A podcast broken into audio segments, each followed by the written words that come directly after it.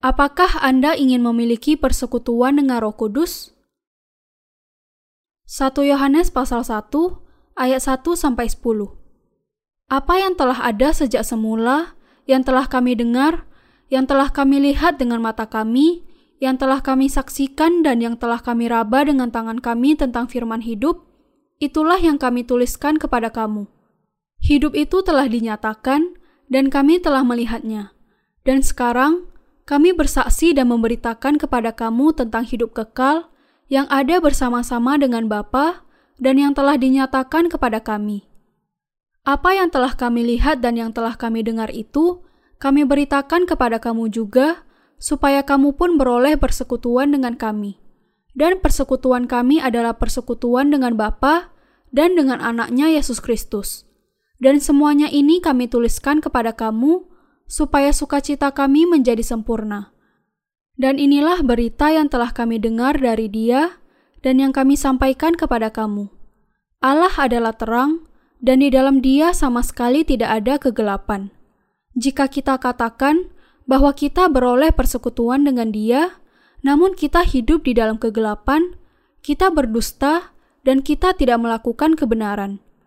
Tetapi jika kita hidup di dalam terang, sama seperti Dia ada di dalam terang, maka kita beroleh persekutuan seorang dengan yang lain, dan darah Yesus anaknya itu menyucikan kita daripada segala dosa. Jika kita berkata bahwa kita tidak berdosa, maka kita menipu diri kita sendiri dan kebenaran tidak ada di dalam kita. Jika kita mengaku dosa kita, maka ia adalah setia dan adil, sehingga ia akan mengampuni segala dosa kita dan menyucikan kita dari segala kejahatan. Jika kita berkata bahwa kita tidak ada berbuat dosa, maka kita membuat dia menjadi pendusta dan firman-Nya tidak ada di dalam kita. Persyaratan apa yang diperlukan untuk merasakan persekutuan dengan Roh Kudus? Kita harus mengetahui dan percaya terlebih dahulu kepada Injil air dan Roh dan membasuh diri kita dari dosa dengan iman. Kalau Anda ingin memiliki persekutuan dengan Roh Kudus, pertama-tama Anda harus tahu bahwa meskipun hanya ada sedikit saja dosa di hadapan Allah, akan membuat persekutuan itu tidak mungkin terjadi. Anda mungkin berpikir, bagaimana mungkin seseorang sama sekali tidak memiliki dosa di hadapan Allah? Tetapi kalau Anda sungguh-sungguh menghendaki adanya persekutuan dengan Roh Kudus, maka seharusnya tidak ada sedikit pun kegelapan di dalam hati Anda. Karena itu, agar dapat memiliki persekutuan dengan Tuhan, Anda harus tahu bahwa Anda harus percaya kepada Injil penebusan dan dibasuh dari segala dosa Anda. Kalau Anda sungguh-sungguh ingin memiliki persekutuan dengan Roh Kudus, maka Anda terlebih dahulu harus mengetahui dan percaya kepada Injil air dan Roh, serta membasuh dosa Anda dengan iman. Kalau Anda tidak mengenal Injil air dan roh dan tidak memasukkan Injil itu ke dalam hati Anda, maka Anda jangan sampai berpikir mengenai persekutuan dengan Tuhan. Persekutuan dengan Roh Kudus hanya bisa terjadi pada saat segala dosa Anda dikeluarkan dari hati Anda melalui Injil air dan roh. Segala dosa dapat dikeluarkan dan dibuang dari pikiran seseorang melalui kebenaran Injil air dan roh. Allah memberkati Anda dengan Roh Kudus pada saat Anda percaya kepada Injil air dan Roh yang indah itu. Apakah Anda sungguh-sungguh ingin memiliki persekutuan dengan Roh Kudus?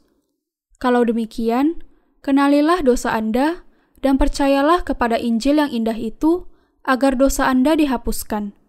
Baru setelah itu, Anda bisa memiliki persekutuan dengan Tuhan. Kalau Anda menghendaki untuk memiliki persekutuan dengan Tuhan, anda harus percaya kepada baptisan yang diterima Yesus dari Yohanes di Sungai Yordan dan juga percaya kepada darahnya di kayu salib. Kalau seseorang sungguh-sungguh ingin memiliki persekutuan dengan Roh Kudus, orang itu harus mengenal siapa Roh Kudus itu. Roh Kudus adalah yang Maha Kudus, dan karena itu ia hanya bisa berdiam di dalam mereka yang percaya kepada Injil yang indah itu. Mari kita melihat satu kesaksian dari seseorang yang dosanya telah dibasuh dengan percaya kepada baptisan Yesus oleh Yohanes dan darahnya, dan yang sekarang memiliki persekutuan dengan Roh Kudus. Ada banyak orang-orang yang berbeda di dunia ini, dan setiap orang hidup dengan pemikiran dan jalannya sendiri-sendiri. Saya termasuk salah satu dari mereka. Saya menjalani kehidupan yang biasa-biasa saja, dan sejak saya masih kecil, saya mengikuti ibu saya ke gereja dan secara otomatis percaya kepada Allah. Ayah saya seorang ateis dan terus-menerus mengkritik saya karena kepercayaan saya. Tetapi semua anggota keluarga yang lain pergi ke gereja. Pengalaman pergi ke gereja mewarnai sebagian besar kehidupan saya. Tetapi setelah saya menginjak masa remaja, ketika melihat ayah saya yang terbaring tak berdaya di tempat tidurnya, banyak pemikiran mengenai hidup dan mati, surga dan neraka masuk dalam pikiran saya. Banyak orang berkata bahwa kalau saya percaya kepada Allah, saya akan bisa masuk surga dan menjadi anaknya. Tetapi saya tidak pernah merasa yakin akan hal itu. Saya tidak pernah merasa yakin kalau saya sudah menjadi anaknya. Saya sudah belajar bahwa kalau saya menjalani kehidupan yang baik di dunia ini, saya akan masuk surga, dan karena itu saya berusaha untuk baik kepada mereka yang membutuhkan. Tetapi di hati kecil saya, saya tahu bahwa saya sudah berdosa. Saya bisa saja kelihatan seperti orang baik bagi orang lain, tetapi saya tetap merasa bersalah karena dosa-dosa saya. Saat itu, saya biasa pergi ke gereja dan berdoa. Tolong saya untuk sungguh-sungguh menjadi anakmu. Tolong saya mengerti kebenaran. Pada saat berdoa, saya merasakan adanya dorongan di dalam hati saya. Setiap kali saya mendengar pengajaran dari firman-Nya, saya tidak bisa menangkap atau mengerti. Saya sungguh-sungguh merasakan kebosanan atas kekosongan hidup saya, dosa saya, kematian, dan lain-lain. Saya memiliki pikiran, saya mau dilahirkan kembali. Kalau saya bisa dilahirkan kembali, maka kehidupan saya tidak akan seperti ini. Tetapi meskipun saya berpikir demikian, saya justru semakin jarang pergi ke gereja, dan kemudian masa remaja saya berlalu begitu saja. Sekarang saya membutuhkan pekerjaan, tetapi hal itu jauh lebih sulit daripada yang saya bayangkan. Saya menjadi lebih tertekan dan bagaimanapun saya mencoba tersenyum, saya tetap tidak bisa. Ketika melihat diri saya dengan kekosongan hati yang ada, saya mulai merasakan depresi menghinggapi saya. Pada saat itulah saya mendengar Injil dari kakak laki-laki saya. Karena itu sadarlah dan bertobatlah, supaya dosamu dihapuskan, agar Tuhan mendatangkan waktu kelegaan.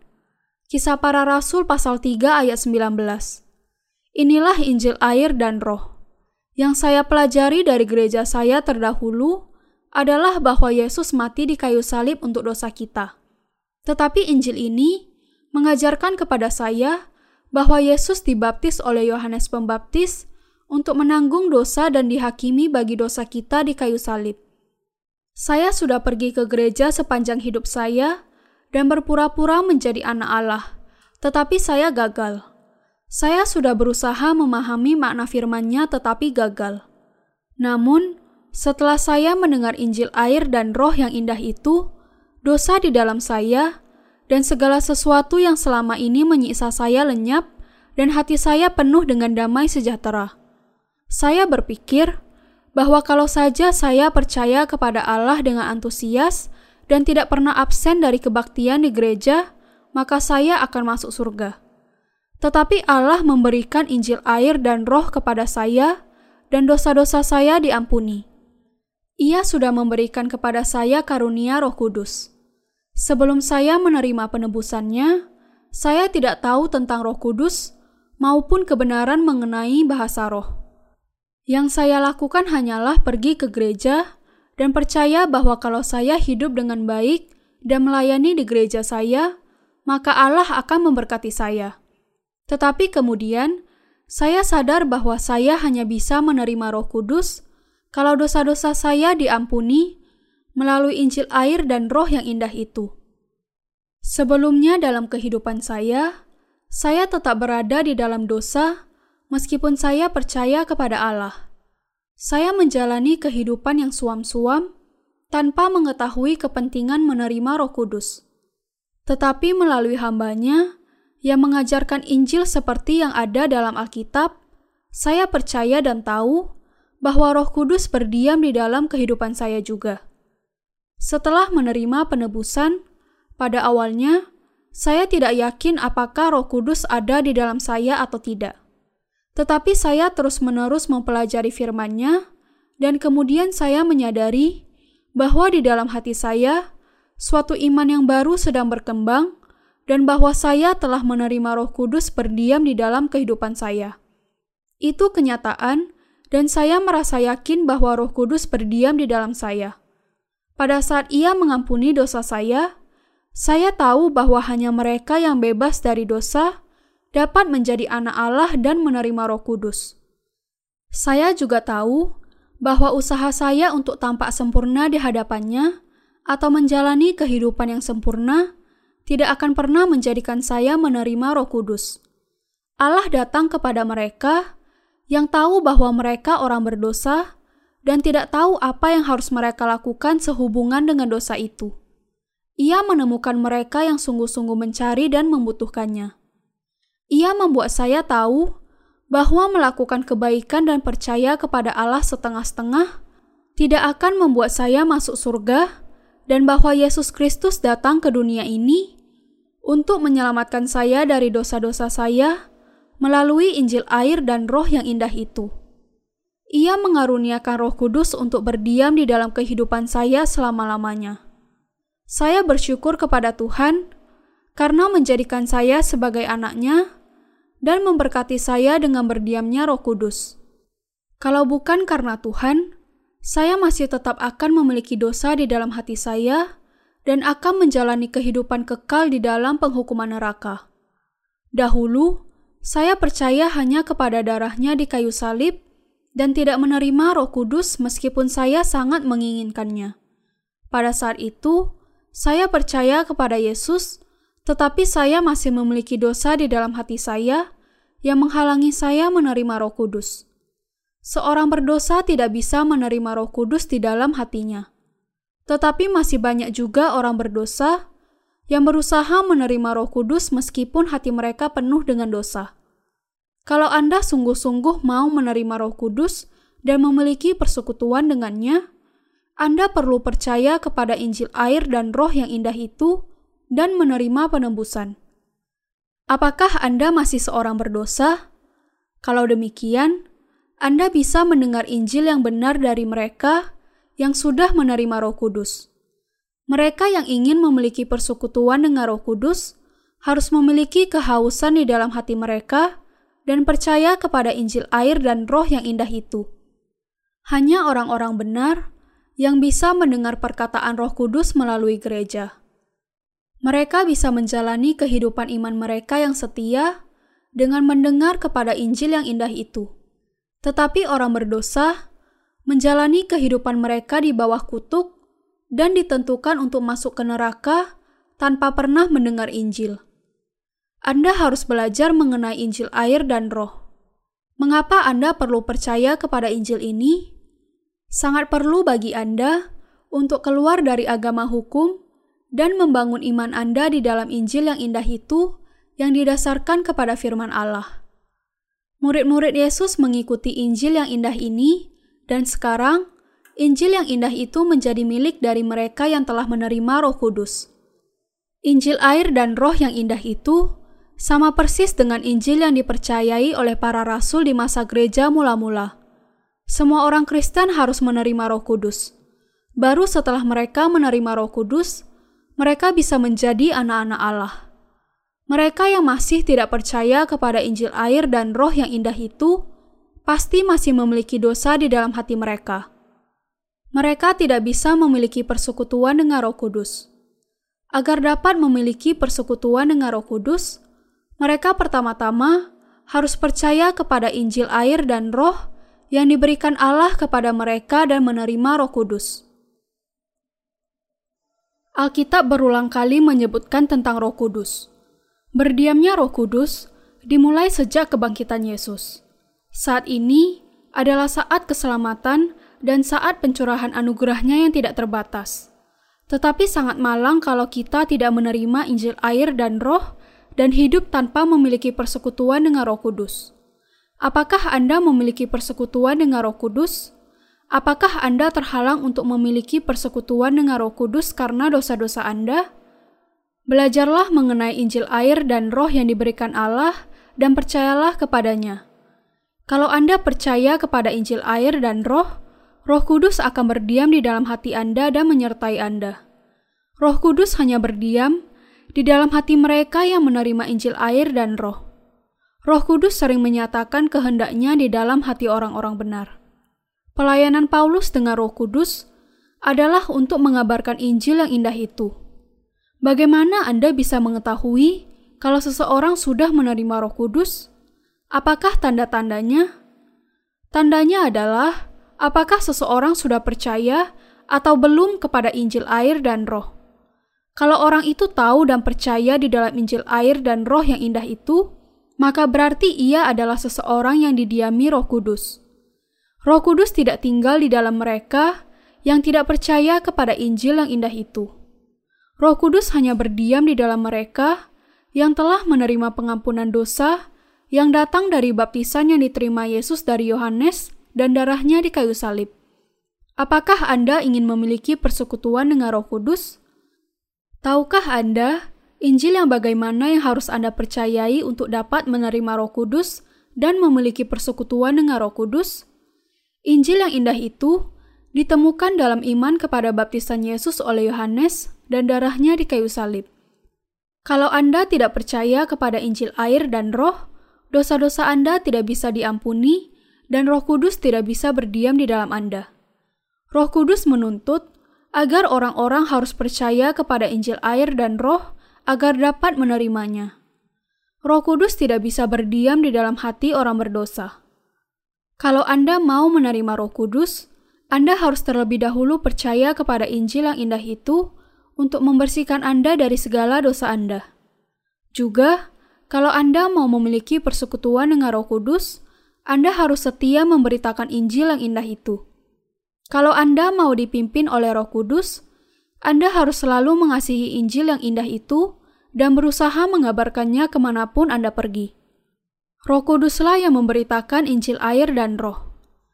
Berdiamnya Roh Kudus terjadi hanya kepada orang-orang yang benar yang sudah percaya kepada Injil yang indah itu. Hanya orang-orang benar yang sudah percaya kepada Injil yang indah itu bisa memiliki persekutuan dengan Roh Kudus. Injil yang indah yang diaminkan oleh Roh Kudus adalah Injil yang digenapi dengan baptisan Yesus oleh Yohanes dan darahnya. 1 Yohanes pasal 5 ayat 3 sampai 7. Petrus juga percaya kepada Injil yang indah itu dan berkata, "Juga kamu sekarang diselamatkan oleh kiasannya yaitu baptisan. Maksudnya bukan untuk membersihkan kenajisan jasmani, melainkan untuk memohonkan hati nurani yang baik kepada Allah oleh kebangkitan Yesus Kristus. 1 Petrus pasal 3 ayat 21. Di dalam Alkitab, air sering menunjuk kepada baptisan yang diterima Yesus dari Yohanes Pembaptis. Mereka yang bisa menerima Roh Kudus sudah menerima penebusan melalui Injil yang indah itu dan bebas dari dosa-dosa mereka. Mereka yang percaya kepada Injil yang indah itu bisa menyembah Bapa di dalam roh dan kebenaran dengan dipimpin oleh Roh Kudus. Yohanes pasal 4 ayat 23. Roh Kudus menolong orang-orang benar untuk menjalani kehidupan yang dipenuhi dengan Roh Kudus. Mereka yang telah didiami Roh Kudus bisa selama-lamanya memuji Tuhan. Roh Kudus menjamin bahwa kita adalah anak-anak Allah. Kita bisa selalu hidup di dalam Injil air dan Roh, dan juga di dalam Roh Kudus. Roh Kudus tidak memiliki persekutuan dengan mereka yang mendustai diri mereka sendiri. Roh Kudus berkata kepada orang berdosa di dalam 1 Yohanes pasal 1 ayat 8. Jika kamu berkata bahwa kita tidak berdosa, maka kita menipu diri kita sendiri dan kebenaran tidak ada di dalam kita. Roh Kudus tidak bisa berdiam di dalam mereka yang mendustai diri sendiri. Roh Kudus menegur orang berdosa dengan berkata, Mengapa engkau tidak percaya kepada Injil yang digenapi dengan baptisan Yesus dan darahnya? kita akan melihat pengakuan dari seorang Kristen yang sudah dilahirkan kembali, yang pada mulanya percaya bahwa ia bisa menerima Roh Kudus tanpa bukti baptisan Yesus dan darahnya. Orang ini sekarang percaya kepada Injil air dan Roh dan sudah menerima Roh Kudus. Di sini akan ditekankan secara jelas mengenai di mana Roh Kudus berdiam. Allah mulai hidup di dalam kehidupan saya waktu saya mulai menyadari alasan keberadaan saya di dunia ini. Pada saat saya melihat diri saya sendiri, saya memikirkan mengenai kelemahan saya untuk menjalani kehidupan yang kejam ini sendiri, kemudian membuat saya mulai mencari Allah. Saya tidak membuat penyelidikan khusus mengenai Allah, tetapi secara alamiah menerima keberadaannya karena ia memang tidak kelihatan, tetapi ia ada. Tentu saja saya bertanya, Apakah ia benar-benar ada? Tetapi kalau pikiran seperti itu terlintas di dalam pikiran saya, saya sudah merasa takut karena saya sungguh-sungguh percaya bahwa Ia adalah Pencipta segala sesuatu. Mereka yang menolak Allah nampaknya bodoh, tetapi dalam beberapa segi lebih kuat daripada saya. Mereka nampaknya bisa melalui segala sesuatu dengan kekuatan mereka sendiri, sementara saya nampaknya seperti orang yang lemah dan tidak tahu apa-apa. Tetapi karena saya memiliki pengharapan akan kehidupan sesudah kematian, saya memandang kepada Allah dengan penghormatan yang lebih besar lagi.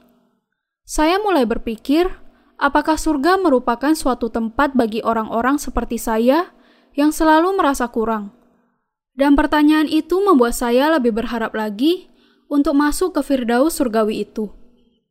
Orang tua saya merendahkan mereka yang beragama, dan saudara-saudara saya pergi ke gereja tanpa penyerahan diri. Mereka berpikir bahwa ketaatan dan penyerahan diri saya kepada gereja pada akhirnya akan berhenti sendiri, sehingga mereka tidak pernah melarang saya pergi ke gereja sampai saya masuk SMP.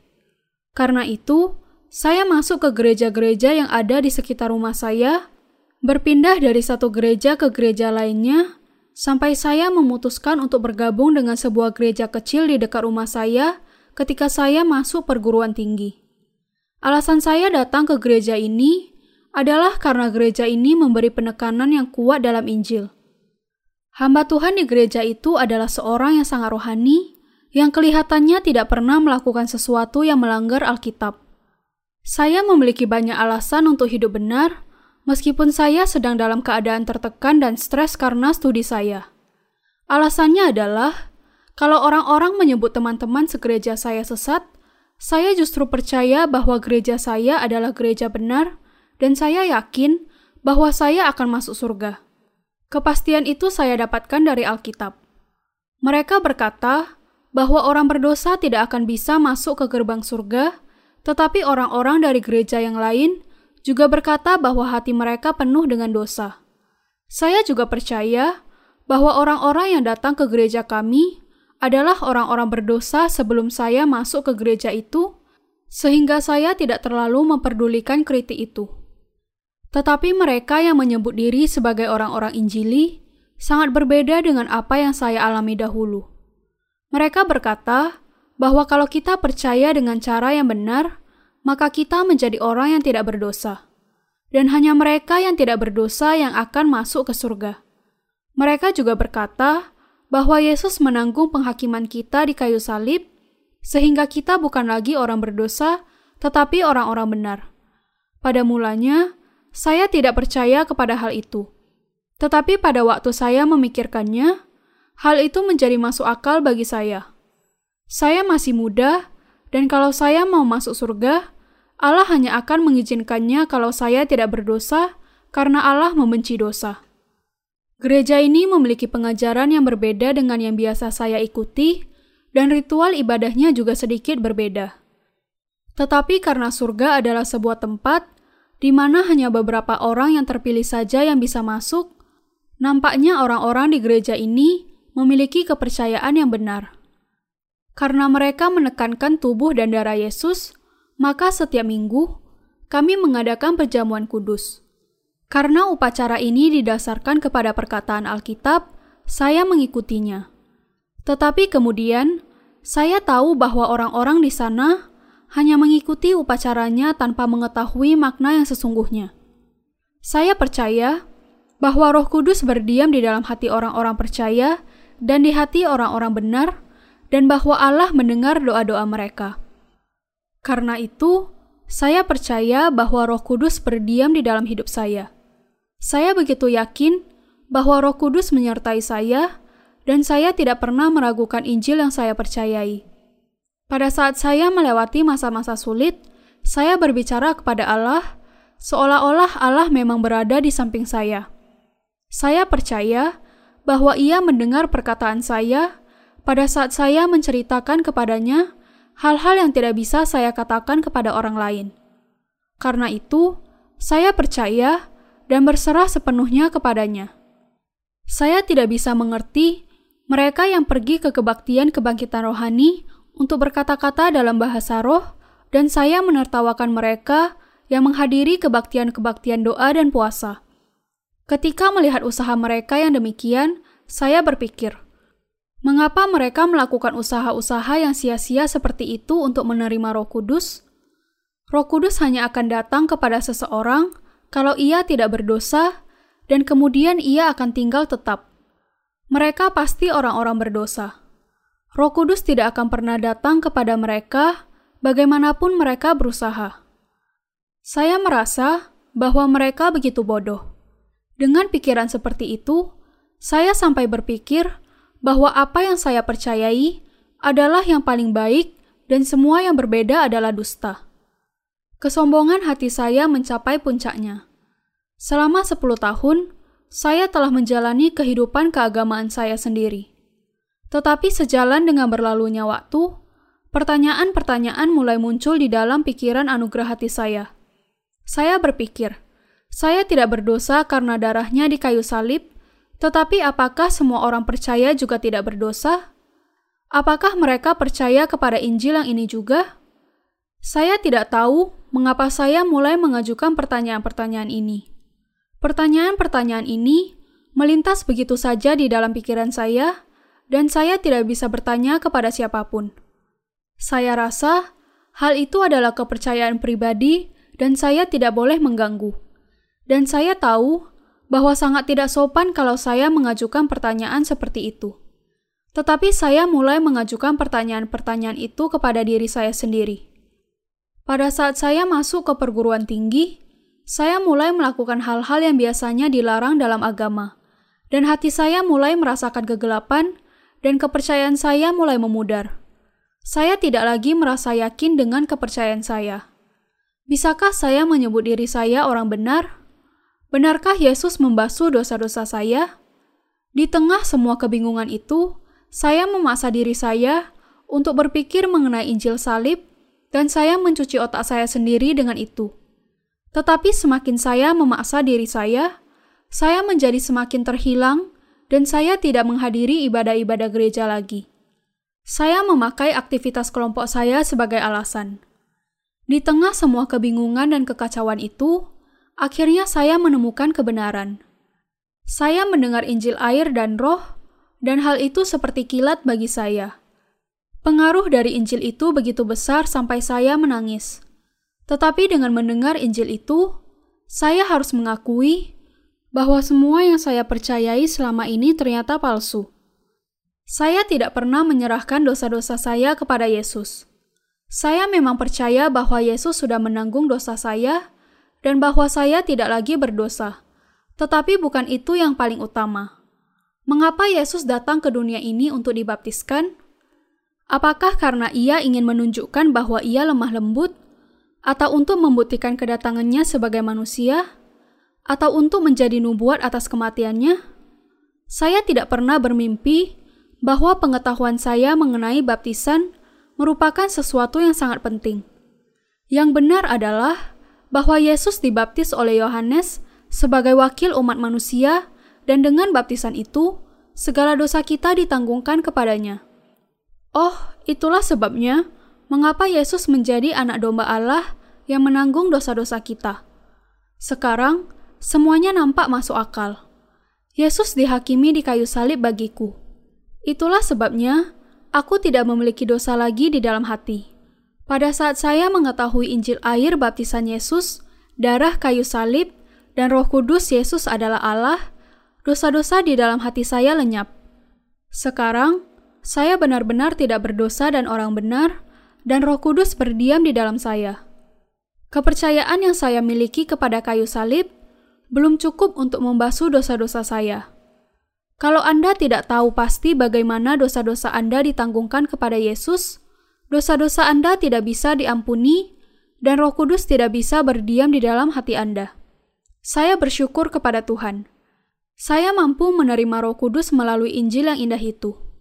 Tanpa usaha sedikit pun, saya diampuni melalui Injil air dan Roh, dan Roh Kudus berdiam di dalam saya sekarang dan selamanya. Sekarang, saya bisa dengan yakin berkata bahwa saya orang yang tidak berdosa dan bahwa kerajaan Allah sudah menjadi bagian saya. Saya mengambil kesempatan ini untuk bersyukur kepada Tuhan yang memberikan kepada saya berkat yang demikian besar tanpa harus membayar. Haleluya! Mereka yang menerima Roh Kudus bisa berkata bahwa mereka tidak berdosa di hadapan Allah. Tidak peduli berapa lama Anda percaya kepada Yesus, kalau Anda tidak percaya kepada Injil yang indah yang Allah berikan kepada kita, anda tetap memiliki dosa di dalam hati Anda. Orang-orang seperti itu mendustai diri mereka sendiri dan mendustai Allah. Orang-orang seperti itu belum pernah bertemu dengan Tuhan. Kalau seorang berdosa ingin memiliki persekutuan dengan Roh Kudus, ia harus berhenti mendustai diri sendiri dan mengakui bahwa ia juga berdosa. Hanya dengan demikian saja, ia memenuhi syarat untuk percaya kepada Injil air dan Roh. Mereka yang percaya kepada Injil yang indah itu layak menerima Roh Kudus. Apa yang dikatakan Roh Kudus kepada orang-orang berdosa? Ia menasehati mereka untuk memperoleh pengampunan dosa dengan percaya di dalam Injil yang indah itu yang digenapkan dengan baptisan Yesus dan darahnya. Kalau Anda berkata bahwa Anda tidak berdosa pada saat Anda melakukan dosa, maka Anda tidak akan pernah menerima Roh Kudus. Mereka yang tidak percaya kepada Injil air dan Roh dan berkata bahwa mereka tidak pernah berdosa mendustai Allah dan diri mereka sendiri. Orang berdosa harus tahu Injil air dan Roh yang indah itu dan menerima Roh Kudus. Hanya setelah itu, mereka bisa dibebaskan dari hukuman Allah yang begitu ngeri. Orang-orang benar bisa memiliki persekutuan dengan Roh Kudus dengan mengakui dosa. Saya berbicara kepada mereka yang percaya kepada Injil air dan Roh, dan dengan demikian telah menerima Roh Kudus. Mari kita melihat kepada apa yang dikatakan Allah kepada orang-orang benar. Dalam 1 Yohanes pasal 1 ayat 9 dikatakan, Jika kita mengaku dosa kita, maka ia adalah setia dan adil, sehingga ia akan mengampuni segala dosa kita dan menyucikan kita dari segala kejahatan. Ayat ini mengandung arti bahwa kita bisa membasuh dosa-dosa tindakan kita dengan mengingatkan diri kita dan percaya kepada Injil yang indah itu, yang menyatakan bahwa Yesus menanggung dosa kita pada waktu Ia dibaptis dan Ia memperdamaikannya dengan penyalibannya. Orang-orang benar perlu mengakui dosa-dosa tindakan mereka kepada Allah. Hanya setelah itu, mereka memiliki persekutuan dengan Roh Kudus. Orang-orang benar harus mengakui dosa-dosa tindakan mereka dan terus percaya di dalam Injil yang indah itu. Dahulu, Injil yang indah tentang baptisan Yesus dan darahnya membasuh segala dosa kita dan karena itu, orang-orang benar harus percaya kepada Injil itu dan bebas dari segala dosa mereka. Tuhan telah mengampuni dosa mereka melalui Injil air dan roh. Orang-orang benar harus percaya kepada Injil yang indah itu untuk bisa bebas dari dosa mereka. Orang-orang benar bisa menguduskan hati mereka dengan percaya kepada Injil air dan roh yang indah itu pada saat mereka dicemari oleh dosa-dosa tindakan mereka. Tuhan kita telah membasuh segala dosa orang-orang benar sejak dahulu melalui baptisan Yesus dan darahnya. Karena itu, mereka yang percaya sudah sungguh-sungguh bebas dari dosa mereka. Namun, orang-orang benar harus mengakui dosa-dosa mereka di hadapan Allah. Lalu mereka harus kembali kepada iman di dalam baptisan Yesus dan darahnya yang membentuk Injil yang indah itu agar bebas dari segala dosa mereka. Dengan demikian, mereka bisa senantiasa menghidupi suatu kehidupan baru yang disertai oleh Roh Kudus. Mereka yang bisa memandang kepada Allah tanpa mengingat kelemahan mereka bisa memiliki persekutuan yang benar dengan Allah karena Injil air dan Roh yang indah itu. Bagaimana kita bisa memperoleh perasaan yang benar tentang persekutuan dengan Roh Kudus? Ada begitu banyak orang yang mengharapkan untuk memiliki persekutuan dengan Roh Kudus, tetapi mereka tidak tahu bagaimana untuk menjadikan hal itu sebagai kenyataan, meskipun mereka telah menerima Yesus Kristus. Semua orang bisa menerima Roh Kudus dengan percaya kepada Injil air dan Roh. Sejak itulah persekutuan dengan Roh Kudus bisa dimulai. Demikian juga, satu-satunya jalan agar seorang benar bisa memiliki persekutuan dengan Roh Kudus adalah dengan mengetahui dan percaya di dalam kebenaran Injil air dan Roh. Persekutuan antara seorang benar dengan Roh Kudus tidak bisa diperoleh tanpa Injil yang benar. Bagaimana dengan persekutuan dengan Roh Kudus itu sendiri? Hal itu hanya mungkin terjadi dengan percaya kepada kebenaran Injil yang indah itu. Allah berkata bahwa manusia berdosa sepanjang kehidupan mereka. Dalam 1 Yohanes pasal 1 ayat 10 dikatakan, Jika kita berkata bahwa kita tidak ada berbuat dosa, maka kita membuat dia menjadi pendusta dan firman-Nya tidak ada di dalam kita. Tidak ada seorang pun yang tidak berdosa di hadapan Allah. Alkitab berkata, Di bumi tidak ada orang yang saleh, yang berbuat baik dan tidak pernah berbuat dosa. Pengotbah pasal 7 ayat 20. Semua manusia berdosa di hadapan Allah. Kalau ada orang yang berkata bahwa ia tidak berdosa, maka ia adalah seorang pendusta. Manusia berdosa sepanjang kehidupan mereka sampai mereka mati. Dan itulah sebabnya Yesus dibaptiskan oleh Yohanes untuk menanggung dosa mereka. Kalau kita tidak berdosa, maka kita tidak akan perlu percaya kepada Allah sebagai juru selamat kita. Tuhan berkata, Firmanku tidak ada di dalam kamu. Kepada mereka yang berpikir bahwa diri mereka tidak berdosa. Kalau seseorang tidak memiliki iman kepada Injil air dan roh yang indah itu, ia layak dibinasakan. Kalau seorang benar atau seorang berdosa berkata bahwa ia tidak pernah melakukan dosa di hadapan Allah, maka ia tidak layak untuk percaya kepada Injil yang indah itu. Allah memberikan kepada semua orang anugerah yang ajaib dan Injil yang indah itu. Kita mengakui segala dosa kita dan bertobat agar mendapatkan pengampunan dosa dengan Injil yang indah itu. Kita bisa kembali kepada Injil yang indah itu yang diberikan Allah kepada kita sebagai pengampunan dosa kita dan percaya kepada Injil itu untuk dapat memiliki persekutuan dengan Roh Kudus. Perasaan persekutuan dengan Roh Kudus yang sesungguhnya adalah di dalam Injil air dan Roh dan hanya mereka yang memiliki Injil air dan roh bisa memiliki persekutuan dengan Allah. Manusia jauh dari Allah karena dosa-dosa yang diwarisi dari Adam dan Hawa. Tetapi sekarang kita yang sudah mewarisi benih dosa bisa memandang ke depan untuk memiliki persekutuan dengan Allah lagi. Untuk mendapatkannya, kita harus kembali kepada iman di dalam Injil Yesus Kristus, Injil air dan roh, dan mendapat pengampunan dari dosa yang sudah menjauhkan kita dari Allah. Mereka yang percaya kepada Injil yang indah itu akan diselamatkan dari dosa-dosa mereka, dan Allah akan memenuhi mereka dengan Roh Kudus. Orang-orang benar bisa memiliki persekutuan dengan Allah karena mereka telah menerima Roh Kudus. Mereka yang telah terputus hubungannya dengan Allah karena dosa-dosa harus kembali kepada Injil air dan Roh yang indah itu. Hanya dengan cara demikian, mereka bisa sungguh-sungguh memiliki persekutuan dengan Allah. Berdiamnya Roh Kudus datang melalui iman kepada Injil yang indah itu. Kita harus tahu bahwa berdiamnya Roh Kudus hanya terjadi melalui percaya kepada Injil air dan Roh. Percaya kepada Injil yang indah itu membuka jalan yang baru bagi Allah.